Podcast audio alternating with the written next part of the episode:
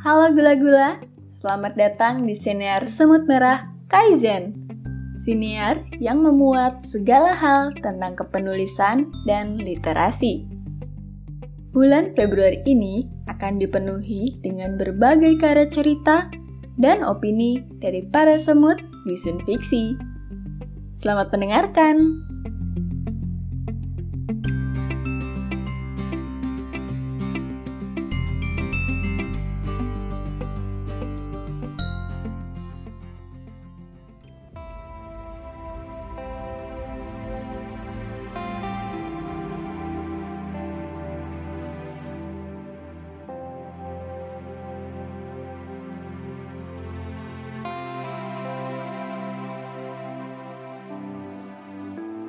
Yokohama, 27 Maret 1935.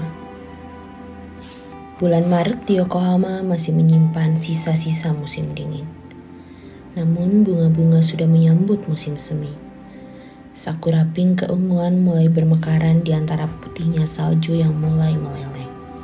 Bunga-bunga cantik memenuhi dahan-dahan pohonnya bagaikan ribuan permata rimbun berkilauan.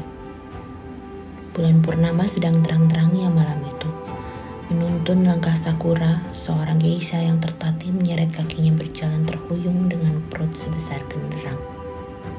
Kontraksi di perutnya sudah makin pendek rentangnya, menandakan waktunya sudah dekat.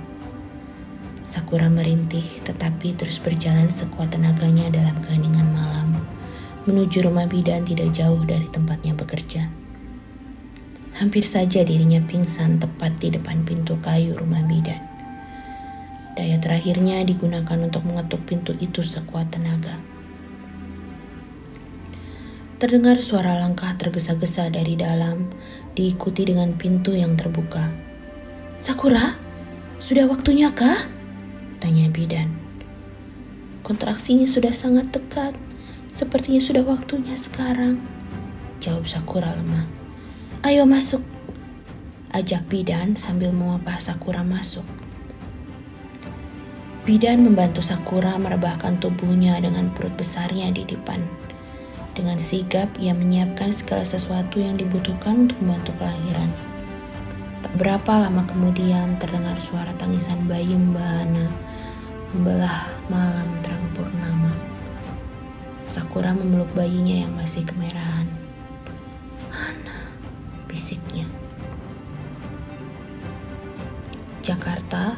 2 September 2009 Aiko duduk bersimpuh di sebelah jenazah ibunya yang terbalut kain kafan di tengah rumah. Sinar matahari pagi menembus jendela ruang tamu memberikan pencahayaan sempurna rumah mereka yang menghadap timur. Hana sudah bersih dan suci, terbaring kaku di atas dipan dengan muka yang masih terbuka, tertutup kain putih transparan. Raut mukanya bersih dan damai seperti tengah tertidur. Bau kamper bercampur wangi melati dan daun pandan menyeruak. Alunan bacaan surah Yasin terdengar perlahan. Aiko tidak berani beranjak dari sisi Hana, khawatir ibunya merasa tidak nyaman dikelilingi banyak orang. Air matanya terus merembes keluar, pikirannya tidak menentu. Kadang kosong, kadang tak sadar, kadang tidak berpikir. Adiknya Jiro beserta Pipit, istri adiknya, sibuk menerima tamu-tamu yang terus berdatangan, memberikan ucapan bela sungkawa. Sejak semalam, Aiko sebisa mungkin terus mendampingi ibunya.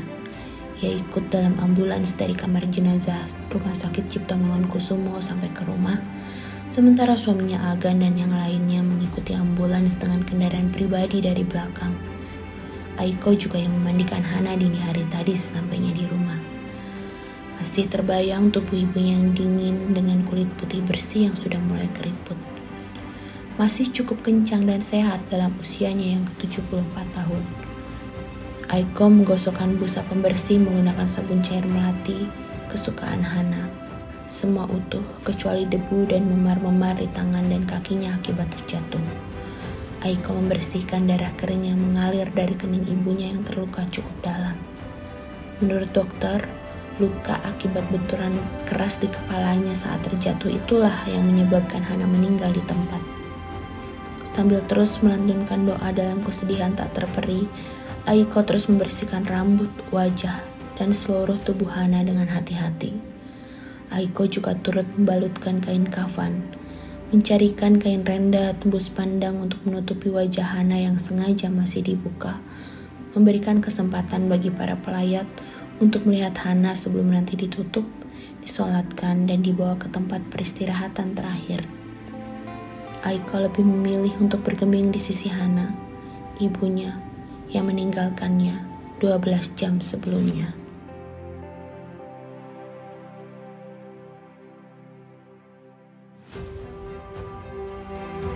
Demikian episode hari ini. Datang lagi besok untuk cerita lainnya ya. Salam literasi.